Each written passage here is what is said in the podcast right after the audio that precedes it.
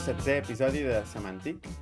Avui estem en condicions excepcionals per la visita del papa, que fa poc, poques hores ha deixat el barri de la Sagrada Família, on estic jo. I, per tant, per això titularem aquest capítol com el més escoltat, perquè tenim moltes capes de filtres i sniffers que estan escoltant totes les connexions del barri de la Sagrada Família. Per tant, segurament aquest capítol serà el més escoltat, malauradament. Aquí tenim el Jordi Almasumi. Hola, bona Hola, bona santa tarda. Tanta tarda. Bueno, jo comentar a nivell de batalletes de- d'aquesta setmana, que ha sigut... Bueno, a part de que em veureu, si, si heu vist les tel el Telenotícies el, el diumenge, és a dir, avui per nosaltres que estem gravant, però ahir per vosaltres que esteu escoltant, eh, m'haureu vist a TV1, que m'han fet, ens han fet un especial a la nostra família. Hi havia una família pro-papa, que era la típica família ja, tots del, de, de l'opus, tots els nens iguals i tal. I després una família antipapa i, i resulta que m'han agafat a mi. que no és que sigui antipapa ni res, però bueno, he explicat les parts dolentes que tenim la. Ai, la... els veïns quan passa una, una vena així, no? I a nivell informàtic, eh, curioses, bueno, m'han ficat aquí davant com tres antenes que teòricament són inhibidores de, de cobertura, és a dir, el que fan és eh, inhibeixen la... La cobertura. La, la, les zones de cada operador, és a dir, hi ha una... Sí, hi ha una... hi ha una antena de Vodafone, hi ha una antena de Movistar, hi ha una antena de tal, i cada una inhibeix les seves zones, teòricament. Però jo tampoc he vist amb el mòbil que hi hagi hagut eh, talls de, de servei ni res. Però bueno, altra gent m'ha dit que sí. Però això era per... Exactament per què servien. Poder, poder servien per, per evitar la sincronització d'atacs terroristes, no? Suposo. Tot i que... Sí, Llavors, teòricament aquesta era la però idea. llavors els terroristes podrien parlar amb, el, amb un Entre walkie-talkie. això i, i els problemes de cobertura de l'iPhone 4, No sé, la veritat és que no sé, no sé quina és la funció d'aquestes antenes, ni de com això pot evitar un atac terrorista. I com evitar el tràfic durant tota una setmana pel barri, que bueno, no podíem entrar a casa, no, els cotxes no podien passar, no ens podien venir a veure, em venien a veure i feien controls d'alcoholèmia els meus amics. sí. Ah, i una cosa molt curiosa és sentir per tot el barri de la Sagrada Família la musiqueta de Windows quan s'inicia. Això, bueno, això no té preu, no té preu. Perquè com que hi havia els, tots els, tots els eh, altaveus no, per tot el barri, pues, bueno, hi havia un tio que obria l'ordinador cada matí, allà, pam, i sentíem tot el barri la, la musiqueta. Que bo. I, i bueno, en fi, un, un, un mal son que no us, desitjo, no us desitjo ningú. I el que més ràbia fa és que siguin diners públics en època de crisi, que es gastin tants i tants milions i que a més pues, amb cadenes públiques com TV3 ho retransmetin com si fos bueno, la cosa més important de l'any. Però bueno, entrem en temes informàtics, que és per això que, que estem aquí. Sí. es paguen. És per això que Sí, ens paguen, exacte. anava a dir, exacte. Vosaltres Aviam, heu primer vist, tema del dia. heu vist la repercussió que ha tingut a Facebook, tot això? El tema de l'avinguda del papa, entre els grups antipapa i els grups pro-papa, jo crec que deu haver explotat bastant tot, tot el que són els servidors. Jo he vist... Jo al Facebook no... no... Digues, digues. Ai, perdona. Bueno, no, que anava a dir, jo al Facebook no ho he seguit, però he seguit el, el Twitter, que hi havia els tags eh, jo no t'espero, jo no t'espero, jo t'espero. eh, hi havia el B16 i el Visita Papa i el Papa BCN. I bueno, han estat molt actius tot el matí. S'anava veient com a mesura que anava caminant, bueno, que anava passant a tota velocitat el Papa mòbil, es veu que li han fotut una multa perquè anava més de 50 km per hora. O sigui que li haurien d'hagut de fotre. I, i anava seguint tot, tots els tuits de tota la gent de, que anava, bueno, que anava, que estaven davant de, del carrer de per on anava passant. No? Era, bueno, era curiós, era curiós. Digues, No, digues, a mi m'ha sorprès la quantitat de gent que, que s'ha unit a grups pro-papa i la quantitat de gent jove. Jo no em pensava que realment hi havia tantíssima gent que molts d'ells s'han canviat el, fins i tot la imatge del perfil, s'han posat el logo de Welcome to Barcelona B16, que és com un logo així modernet, i no sé, jo no, no, la veritat és que no sabia que hi havia tant de seguiment i tanta, tanta no sé, expectació per la vinguda del papa, no? Però bé, És molt fort, és molt fort. Per aquí hi havia... Ahir, ahir va passar una manifestació i dic, ostres, mira, passa una manifestació per la Sagrada Família. Menys mal que hi ha una mica de, de moviment crític. Surto i veig que eren tot de gent jove, però de la nostra edat, amb creus i dient Maria, Maria, i coses així, papa, i bueno, amb cartells del papa i tal, sí, és que és- jo, jo, jo he flipat, aquests dies he Que flipat, fort, tot sigui dit. que fort, que fort. Ara les cadires, la meitat buides, eh? Ja, sí, O sigui que tampoc, tampoc hi ha, hagut- ha hagut tanta gent al final, ja. però bueno. Eh, Sí, informàtica. bueno, seguim parlant una mica de, de Facebook. Eh, aquesta setmana hi ha hagut un esdeveniment que es deia Facebook Mobile o una cosa així, que es centrava bàsicament en, en les aplicacions mòbils de Facebook, en què bàsicament han dit que igualaran eh, la, les coses que es poden fer ara amb la de l'iPhone, es veu que amb Android no es poden fer tantes coses, i volen fer que a, tots els, a totes les plataformes sigui la mateixa aplicació. Han dit que faran això, eh, per fi els grups que es podien fer al Facebook ara es poden consultar des de l'iPhone, des de l'aplicació, també des d'Android es podrà, que fins ara, clar, tenies un grup de, de, de gent i comentaven i només ho podies veure des de l'ordinador i era una mica... Bueno, no tenia gaire sentit. I què més han fet? Ah, això que encara aquí no tenim, que són els check-ins, que només ho tenen a certs llocs, a Estats Units ho tenen i a França, pel que vaig poder comprovar també, doncs ho han, diguéssim, millorat una mica, li han afegit una cosa que es diu uh, els deal, deals, o sigui, els... Ah, no em sortirà la paraula. Eh, no em sortirà la paraula en català. Deal. Això, Tractes. tractes. Bé, bàs bàsicament són, Sí. són comerços que s'han posat d'acord amb Facebook perquè si algun usuari fa check-in en el seu comerç, doncs els hi fan ofertes. Hi ha diferents tipus de check-in, per exemple, bueno, els individuals, que bàsicament fas check-in en el lloc i, jo què sé, et fan un 20% de descompte en el, algun producte. O check-ins amb amics, que és, si, ven, si vens amb un grup de tres amics, us fem un no sé què, no sé quants. També n'hi ha de lleial, lleialtat, diguéssim, si vens mil cops aquí, doncs et regalem no sé què.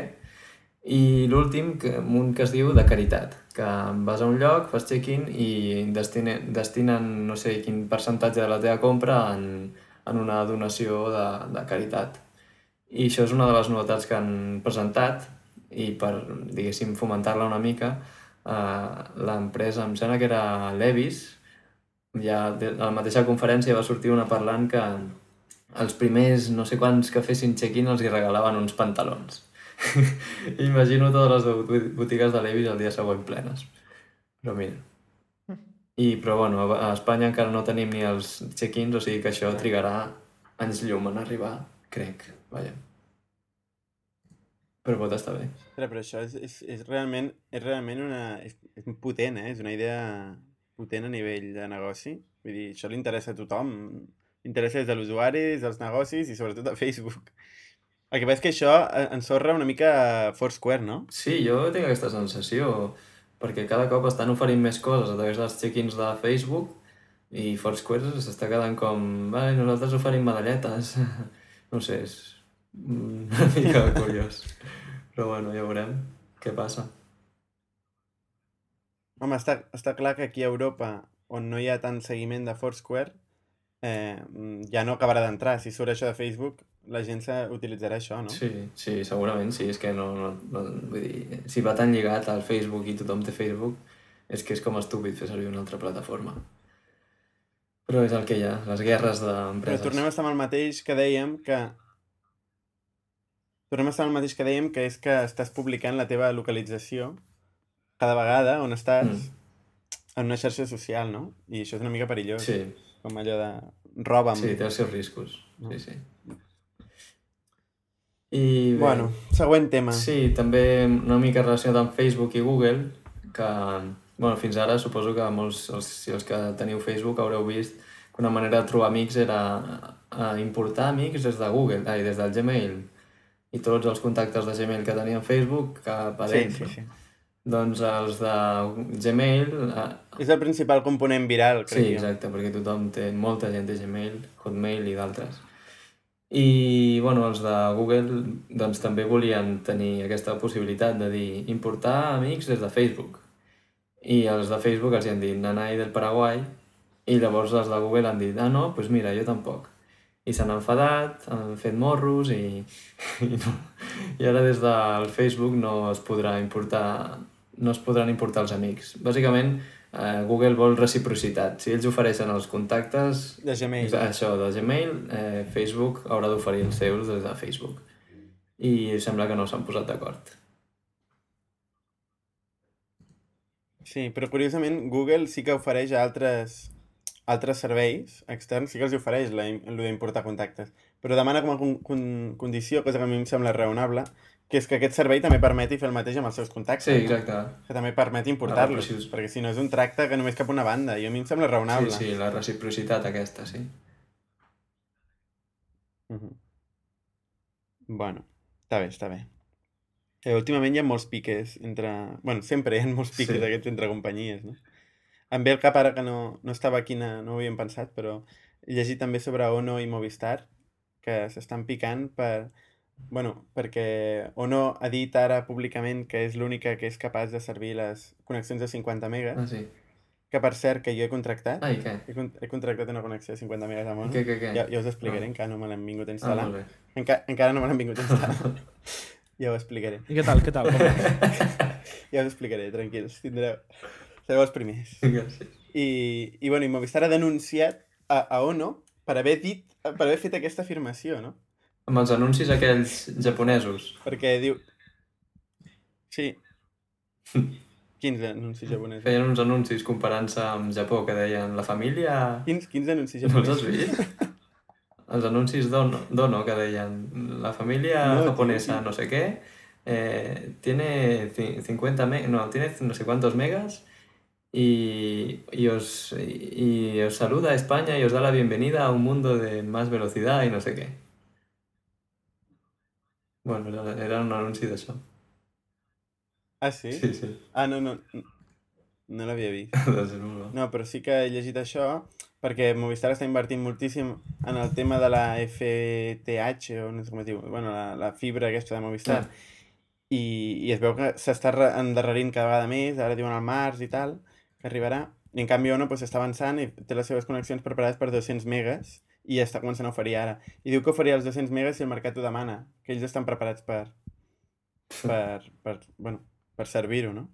O sigui, estaria bé. El preu és, és bastant econòmic. Bueno, ja, ja us explicaré, tranquils. Gràcies.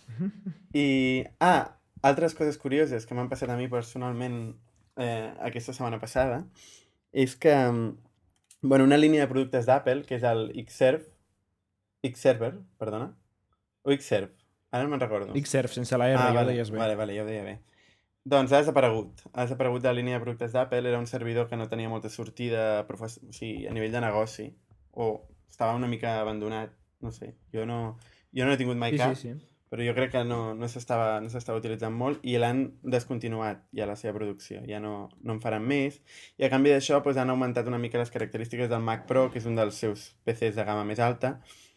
I, i, bueno, i ca casualment va, van, va haver un bug a la web, a l'Apple Store, durant aquesta setmana, que és una cosa molt, molt típica que ens passa a nosaltres quan programem, quan acumulem un valor amb una variable, no? Suposem que anem, anem fent un bucle o anem, anem fent alguna cosa i acumulem un valor amb una, una variable, fem ús del més igual, no? Fiquem una variable, fiquem més igual i el nou valor. I això suma el, el valor, els valors anteriors. I es va acumulant, no?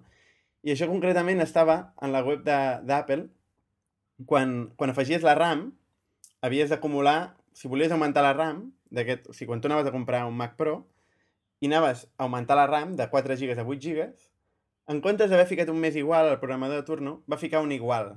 I què passava? Que tot el que portaves acumulat anterior, que eren casualment 3.600 euros, eh, passava a substituir-se pel valor de la RAM que estaves afegint. Amb la qual la teva comanda passava a valer 100 euros. què va passar? Que un tio estava comprant tranquil·lament a l'Apple Store just al moment en què van fer aquest canvi i es va donar compte d'això i va començar, va, bueno, es va quedar flipat, va fer, evidentment va fer la compra, va comprar un, un ordinador per 3, que val 3.800 euros o així, el va comprar per 150 euros i, i clar, llavors ho va començar a dir a la gent, no? Ho va començar a dir a la gent, bueno, va córrer la notícia, però com, com l'espuma. I a mi em va trucar la meva tieta, que no té a veure amb la informàtica ni res, i em va dir, escolta, que m'he enterat aquí la feina, que, que estan aquí la gent comprant Apples de punta pala, que no sé què, que valen 100 euros, que no... Bueno, em, va, em, va, em, vaig, em vaig atabalar, em vaig atabalar, vaig anar corrents a l'ordinador i vaig, i vaig comprar un ordinador, vaig comprar un Mac Pro de 3.700 euros per 100, 150 euros. I clar, llavors vaig dir, ostres, ostres, i a més dic, eh, per què en compro un? Per què no en compro més? Vaig començar a comprar i quan anava a comprar el segon, pam! Es va tancar la web. Es va tancar la web i, i va sortir... Bueno, tot el dia, tot el, em sembla que va ser el divendres o el dijous, ja no me'n recordo. Bueno, va estar tot el dia tancada l'Apple Store i ja no, no podies comprar més. Si anaves a comprar, t'enviaven a l'americana. I, I, bueno, i la qüestió és que bueno, la gent va començar a estudiar, aviam que si realment, perquè ens van descomptar els diners del compte del banc i ens van descomptar, bueno, i ens van enviar el rebut com que hi havíem comprat allò i tal. I quan anaves a la... 150 euros, de- no? Estàs parlant? Mm, sí, o sigui, sortia en la pàgina web, després de comprar ficava 150 euros, Ah. però després quan anaves a la botiga americana i anaves a l'order details i veies els teus els detalls del teu producte, ficava que valia 3.600, que t'havia costat Però tu 3.600. quan et van cobrar? A mi em van cobrar 150 euros. Ah, vale, vale. Val? Llavors, bueno, la gent va començar a estudiar la normativa d'Apple com si fos la llei, allò, la llei d'Espanya, no? I, bueno, subratllant allà, el meu tiet subratllant allà amb fosforito les parts que podien ser una mica conflictives. I, i casualment deien que això si passava, o sigui, comprenia aquest cas, la normativa, i deia que si passava s'havien de ficar en contacte amb tu aquell mateix dia i explicar-t'ho, i donar-te una explicació i tal, i, bueno, i retornar-te els diners. Eh, a, a l'última hora de la nit ens van enviar un mail a tothom, tothom que havia fet això, i ens van dir que hi havia, efectivament, hi havia hagut un problema a la web d'Apple i que procedirien a cancel·lar els pedidos, els, els, Comandes. com es diu? Les comandes. I, sí. I llavors, bueno, a partir d'aquí pues, eh, ja no vam saber res més, els diners no ens els van tornar i el dia següent, eh, a, a última hora del dia següent, va aparèixer a l'order details, va sortir pedido cancelado por el cliente. I clar, pedido cancelado por el cliente, bueno, no sé, jo no havia cancel·lat res, no? I ara pues, estic sense els 150 euros i sense el Mac Pro, evidentment, i amb l'order details que diu pedido cancelado por el cliente. Jo vaig trucar i vaig dir que jo no l'havia cancel·lado i em va dir la dona, ah, bueno, ¿quieres reactivar? Perquè no sabia res la dona aquella que em va atendre. I em va dir, ¿quieres reactivarlo? ¿Quieres reactivarlo? I jo, pues sí, claro, quiero, quiero, reactivarlo.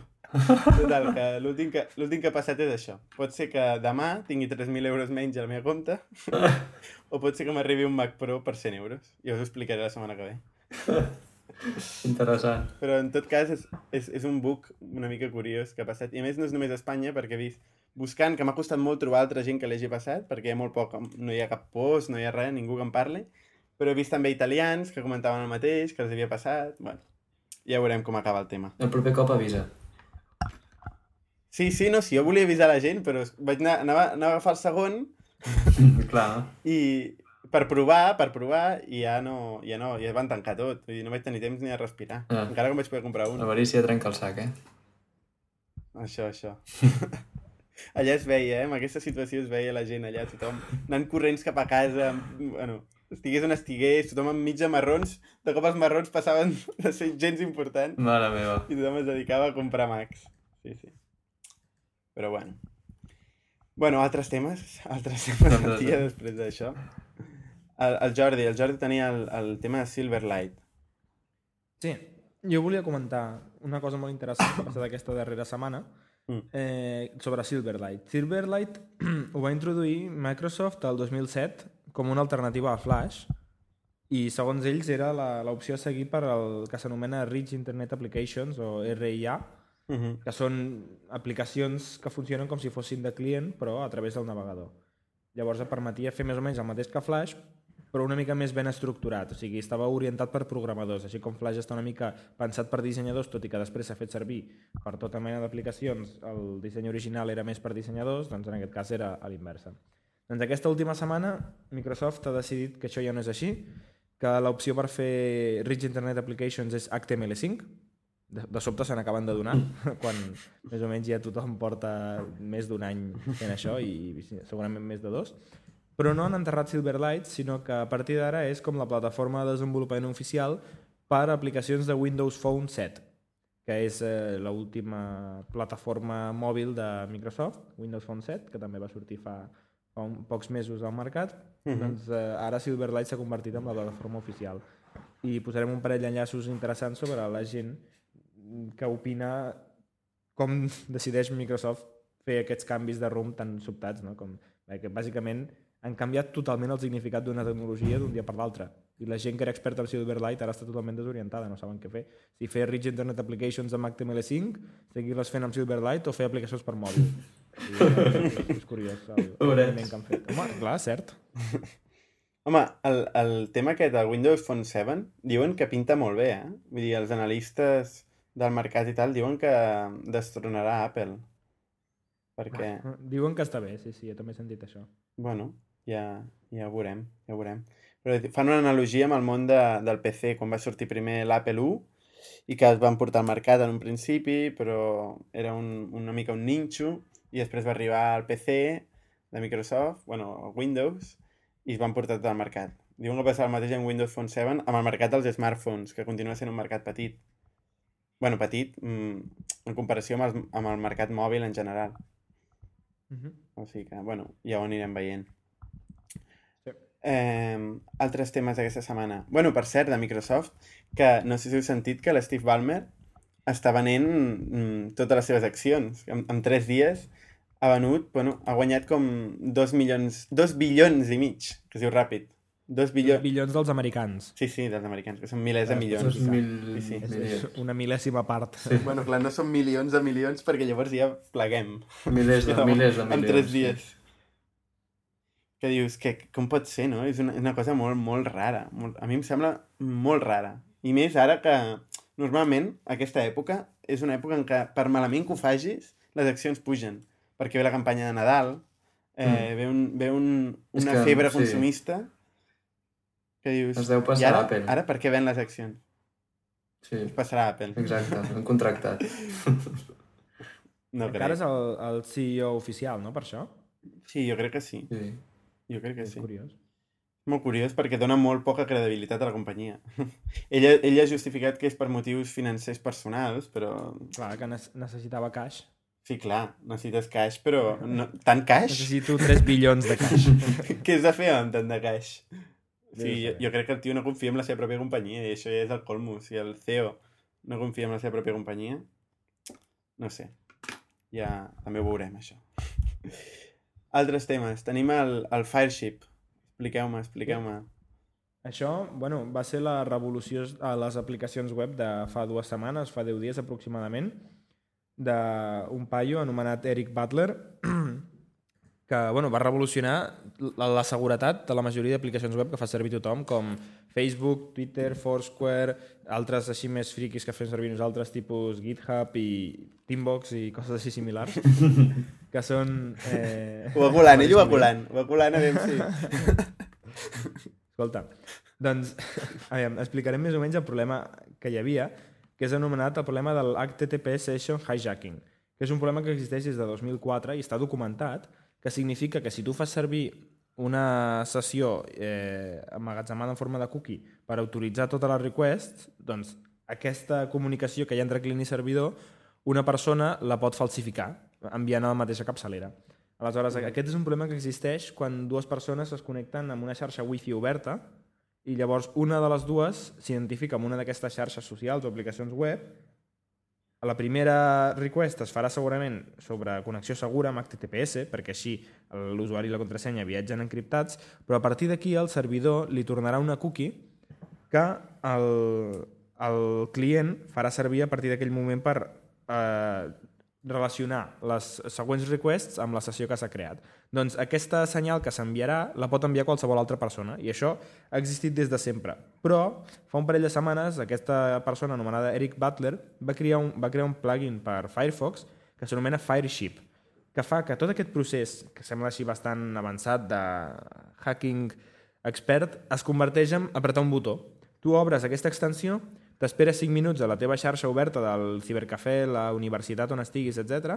i al cap d'uns minuts tens una llista de gent que està fent servir Facebook o el que sigui, fas clic sobre el seu nom i pam, se t'obre una finestra amb la seva sessió de Facebook oberta. Tan fàcil com això. Però jo el que no No entenc has és qualsevol, qualsevol servei, qualsevol servei d'internet. No, qualsevol no. Hi ha una llista, qualsevol- Sí, hi ha un llistat. Bueno, quasi tots. no és tan fàcil. Tots els que no fan servir HTTPS per totes les peticions. Però tots no, perquè jo crec que no deu ser el mateix sistema. Per... O sigui, a partir de, de com identifica la cookie, com s'autentifica com, Bueno, com Eh, aquella... gairebé tots. Vull dir, hi ha diferents maneres de- d'emmagatzemar la sessió, però l'estàndard és aquesta. I l'única manera de, soluci de solucionar això és que el servei funcioni exclusivament sobre HTTPS. Llavors, per exemple, en el cas de Facebook, pots forçar que tota la teva navegació sigui, sigui sobre HTTPS. Hi ha uns plugins per Firefox i altres navegadors que serveixen per això. N'hi ha un que es diu TLS Everywhere i bueno, això podeu investigar amb els links que posarem. Uh -huh. Doncs, com acabo de dir, la solució d'això és fer servir sempre HTTPS. Com perquè fan els bancs, la com fan els bancs i com fan les Exacte. coses com sèries, fan- de veritat. I com, I com comencen a fer ara totes les aplicacions web a partir de Fireship, que tota la comunicació que pugui ser confidencial o, o que puguis modificar l'estat d'algú ha de ser sobre HTTPS, perquè no pots fiar-te'n de que la sessió que tu creus que tens oberta és la que realment s'ha obert, sinó que és la d'una altra persona que ha interceptat amb el plugin aquest, que és Fireship. Curiós. és I curiós, bueno, això. moltes aplicacions web estan ara doncs, fent canvis estructurals, cosa que també el, el tio aquest Eric Butler té un punt molt important, i és que normalment això que he comentat, que es fa servir HTTPS només pel moment de login, perquè així amagues el- l'usuari el password i no viatgen en pla. Però a partir d'aleshores no fa servir HTTP. Per què la gent feia això i no feia servir tota l'estona HTTPS? Perquè és molt més ràpid anar amb HTTP. perquè... Però per què? Perquè és més més ràpid. ràpid. Home, perquè hi ha moltes sí, més... Perquè hi ha moltes més anades i tornades de la request. Bueno, no, hi ha Quan el és- mateix número d'anades i tornades, però HTTPS ha de codificar i descodificar cada request eh, amb Això. algoritmes d'encriptació que són complexos. Sí, bueno, però això. era un problema fa 10 anys, quan es van més o menys idear les arquitectures d'aquestes aplicacions web. Avui en dia, la majoria de servidors que estan a, en cloud computing, l'ús de CPU acostuma a anar sobrat amb la majoria de servidors. O sigui, ara el problema que hi ha és de memòria i d'escriptura en disc i això no canvia. Fer servir HTTPS requereix principalment més, més potència de, de CPU, que ara mateix no és un problema, des de que la majoria de gent utilitza infraestructures en el núvol. O sigui que realment fer el canvi aquest no és gens costós. O sigui, tu dius que una aplicació que et tira amb HTTP i una altra que tira idèntica que tira HTTPS eh, van igual de ràpid actualment. No, t'estic dient que la diferència, És mínima. De cara al servidor, és de, ús de CPU. I l'ús de CPU no és un problema normalment ara. No és el coll d'ampolla. Per tant, es pot fer el canvi i no se't moren els servidors. Per exemple, Google té un article molt interessant en el seu blog de fa molt temps de quan van fer que tot el tràfic de Gmail passés a anar per HTTPS. Abans Gmail podia ser per HTTPS Sí. o per HTTP i un dia van decidir que tot seria per HTTPS. No fa molt I van d'això, notar- ho hem- ho hem no van notar aquí. gens. Sí, no, no, no fa molt. No van notar gens el canvi en els seus servidors. Ah, no? No, no, és, és interessant el seu article com a exemple d'aplicació web bastant potent, com us podeu imaginar. Però és que ja no és només el temps de CPU, o sigui, és el, és el fet de que cada paquet s'hagi d'encriptar i desencriptar, no? Això ha de tenir un temps. On està aquest temps? Hi ha una diferència és de aquest temps. que t'estic dient, és aquest temps, encriptar i desencriptar és un cost de CPU. Per tant, si tens una CPU ràpida, aquest temps és poc. Ja, ja, ja. Està bé. Està bé, està bé. O sigui, evidentment, és més, sempre serà més lent HTTPS que HTTP, però la diferència ara mateix és menyspreable. I si, I si la seguretat està compromesa, no pots ni discutir-ho, això. Ja, ja, ja.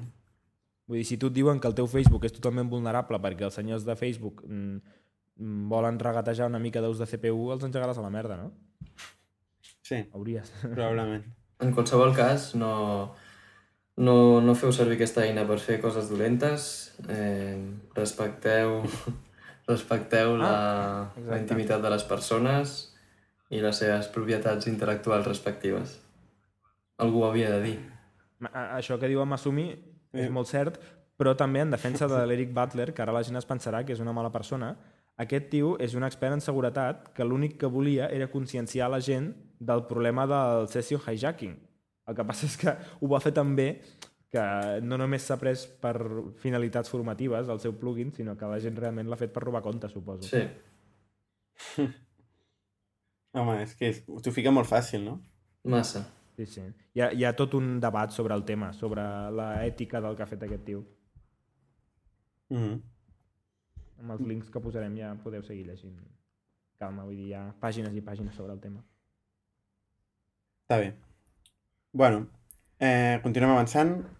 Següent tema que tenim aquí. De... Ah, jo m'havia apuntat al de 20, 24 símbols. 24 símbols. 24 símbols. o 24 símbols. vale. Eh, pues és, un, és un nou servei, de moment només un projecte, és la típica startup, que comença, bueno, eh, demanar inversió i tal, eh, ha trobat uns quants fons d'inversió que, i business angels que, que sembla ser que el finançaran, i és un projecte que pretén fer el mateix que s'ha fet amb Spotify, és a dir, poder mm, descarregar, bueno, veure eh, o escoltar, en aquest cas, música directament de la xarxa, doncs fer-ho amb els llibres, no? I com que hi ha tants dispositius mòbils que et permeten ara llegir còmodament, per exemple, amb un iPad o, o amb un Kindle o amb, amb un aparell que puguis, puguis veure, estic connectat a internet i puguis llegir, doncs et permetrà doncs, veure llibres gratuïtament, qualsevol llibre, podràs llegir-los, a canvi d'una zona de publicitat, que ja estarà, bueno, no sé, a dalt o baix, on sigui. I... Eh... Què passa? T'ha fet molta gràcia. o al mig. I, i llavors, eh, bueno, permetrà també subscriure's, llavors d'eliminar la publicitat, eh, mitjançant subscripció o pago per, per llibre. I bueno, és portar una mica la idea aquesta del, de l'streaming en el contingut multimèdia en el món dels llibres, que, que crec que és bastant, bastant interessant. I a més, és una empresa espanyola que, bueno, que ha rebut el, el suport de, de SIDCAP, que és un fons d'inversió, bueno, i, i, i s'estrenarà al març. S'estrenarà al març eh, com, a, com a projecte. De moment s'està pues, difonent molt, estan fent molt esforç de promoció, xarxes socials, etc. I ja ho anirem seguint, però està bé. A més, és una, una startup propera, pues, és interessant. I el Jordi, el Jordi, sí, digues. Sí, espera, espera, que he vist en el seu web que està desenvolupat amb eh, Java, Sí. Hibernate, HTML5, Sí, sí, CSS, sí. Jo també ho he vist. tecnologies que anomenen. Però, bueno, tecnologies Apple... Ai, Apples. eh, àgils, volia dir això. àgils eh, també aposten, com, bueno, com vindria a ser Ruby on Rails, però en el cas de Java, que és, hi ha entorns com Spring, són frameworks que també són semblants una mica al concepte de Ruby on Rails del qual parlem més sovint. I, bueno, no sé, ja... I, I jo també volia comentar que em va sobtar molt quan vaig veure el nom i a sobre vaig entrar a la pàgina web que eh, tant el nom de l'empresa com el logo tenen una clara similitud amb 37 Signals i és molt curiós, entreu al, a les dues webs i mireu el nom i el logo perquè us sorprendrà la, la similitud. No tenen res a veure les empreses, però jo crec que clarament aquí algú s'hi ha, Inspirat. s'hi ha basat. Sí, sí, no, no pot ser casualitat. Vols dir que hi ha puntets i ratlles en, en els dos, No, no hi ha puntets. El logo està basat en rodonetes Rodonetes, bueno, això... i el nom 24 Symbols 37 Signals Ja. ja em diràs tu que no s'assembla un colló. Home, tenen pinta de seguidors de 37 Signals. Pues això, eh? si no, no... Segurament és un homenatge, però... però s'assembla. Bueno, vale, vale. Eh, altres temes. Tenim el Cepto JS del Jordi. Sí, us volia comentar... Bueno, no l'he fet jo. No l'has fet tu? No, no. Aix. Zepto.js és un framework de JavaScript que algú dirà un altre. Doncs sí, és Un altre? framework Un de altre? JavaScript creat per Thomas Fuchs, que és el creador de Scriptaculos, que és la llibreria d'efectes de Prototype. I eh, amb què es diferencia aquest en els altres 800 que hi ha, o sigui, eh, Prototype, jQuery, Mootools, etc. és que aquest està basat bàsicament per mm, plataformes mòbils. Val? Llavors, tot el, el paquet, eh, l'objectiu és que ocupi menys de 2 kilobytes, que per ara ho han aconseguit. Eh, la API és molt similar i compatible amb la de jQuery, per tant els programadors de jQuery poden fer una aplicació fent servir Zepto.js sense haver d'aprendre res, perquè tot funciona igual, Però això és el i que... fa servir... Bueno, perdona. Digues, digues. Que això és el que no entenc, que, perquè aquest tio no ha fet Scriptaculous que corre sobre Prototype. Prototype. Sí, però mira, va decidir que el públic que a ell li interessava eren dissenyadors, sobretot, que els dissenyadors sempre han tirat més cap a jQuery i els programadors cap a Prototype. És una mica l'estigma que tenen els dos. I Ja. també dir que es basa en funcional... moltes funcionalitats de WebKit, ja que en el tema de navegadors mòbils tenen la quota de, mar de mercat brutal, perquè tant iPhone, Android com WebOS, que és el de Palm, tots fan servir WebKit. Per tant, mm, la quota de mercat és brutal. Mhm. I, I està molt bé, és molt interessant. Pots, pots fer Rich Internet Mobile Applications amb aquest framework que té molt bona pinta i molta gent està comentant coses meravelloses sobre ell. I el tio és, és de fiar, vull dir, Thomas Fuchs és, és un crack de JavaScript, ha donat eh, classes, cursos bastant famosos de JavaScript, de rendiment de JavaScript, etc. Vull dir que és, és fiable. Uh -huh. Això em recorda a l'altre framework mobile, que és el Jo. Jo, jo App, es diu. Que et No permet, conec. et permet crear també doncs, eh, mitjançant jQuery, sembla que és jQuery, bueno, JavaScript en qualsevol cas, aplicacions per compatibles amb totes les plataformes mòbils. Sembla que en vam parlar en algun podcast. Però, bueno, no sé. Sembla que són una mica similars. Amb, Sí, estic amb veient també coses similars. Uh -huh. Vale. Doncs tenim... Bueno, no tenim més temes interessants. Bueno, tenim consells i trucs. tenim consells i trucs. Doncs passem als consells i trucs. De qui sona? Sí, digues. jo me n'he apuntat dos, Ah, vale, doncs pues endavant. que he començat a fer servir jo mateix. Un és Vimium, que el nom, de fet, ja ho explica bastant, tot i que és una mica críptic, i clar, alhora, és un plugin per Chrome i Chromium, Uh -huh. que fa que puguis fer servir el navegador amb, amb la mateixa sintaxi de dreceres de teclat que fa servir VI o Vim. Per tant, quan t'instal·les aquest plugin, pots controlar el navegador només des del teclat i fer-ho absolutament tot només des del teclat amb les mateixes dreceres que fa servir Vim. Per tant, quan, quan coneixes una mica Vim, doncs és molt útil. Vull dir, permet fer cerques dins del text, navegar d'una a l'altra, saltar per enllaços, gestionar de tot.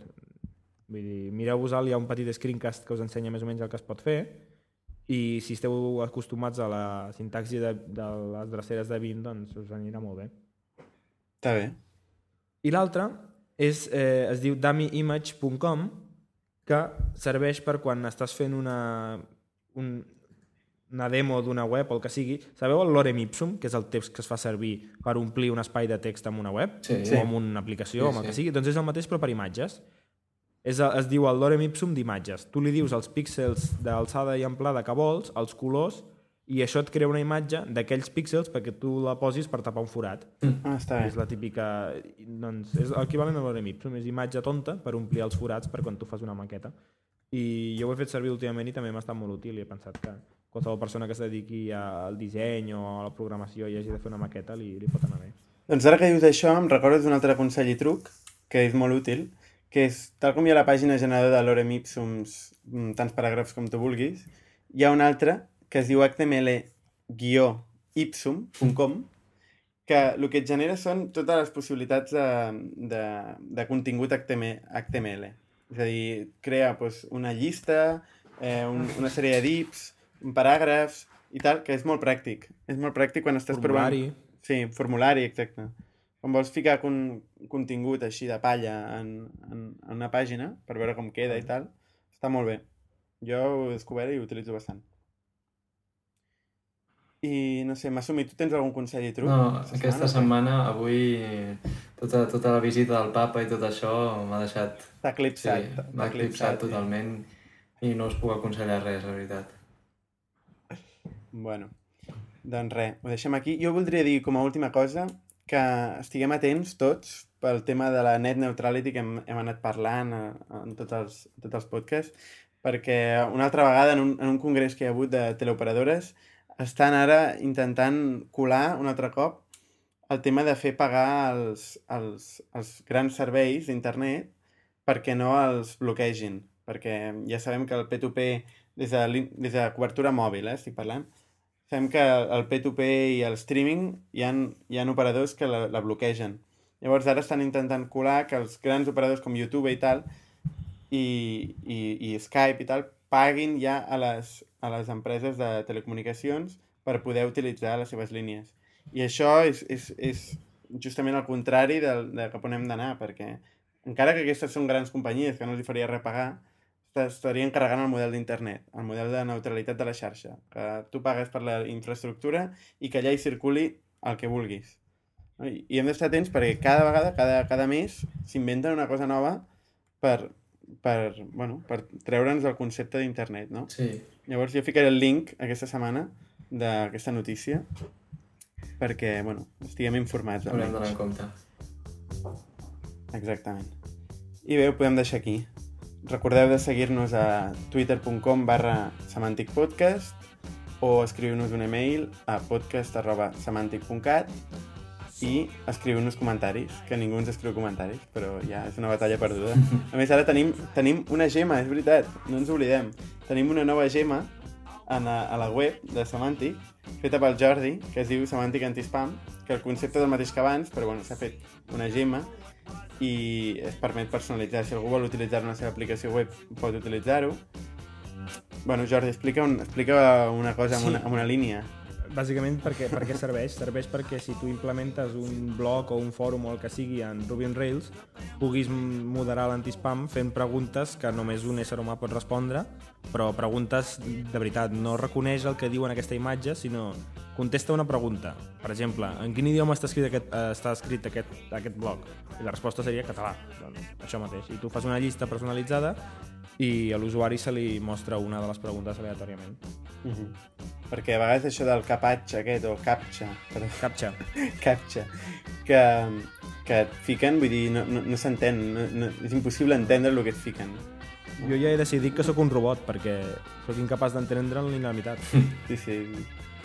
Si fas una pregunta semàntica, bueno, semàntica, vull dir, d'un tema que pugui, pugui respondre un usuari, doncs ja està, amb això ja frenes el, els robots, no? No cal fer aquestes putades a l'usuari d'haver de reconèixer coses Hem de impossibles. fer robots més intel·ligents encara. Doncs pues vinga, fes un... Sí. Pots començar a programar un robot per petar, Faré una nova gema. petar la gema. Exacte. petar la gema del Jordi. Vinga, vinga. Perfecte. Intentarem. Doncs bé, ho deixem aquí. Fins la setmana que ve.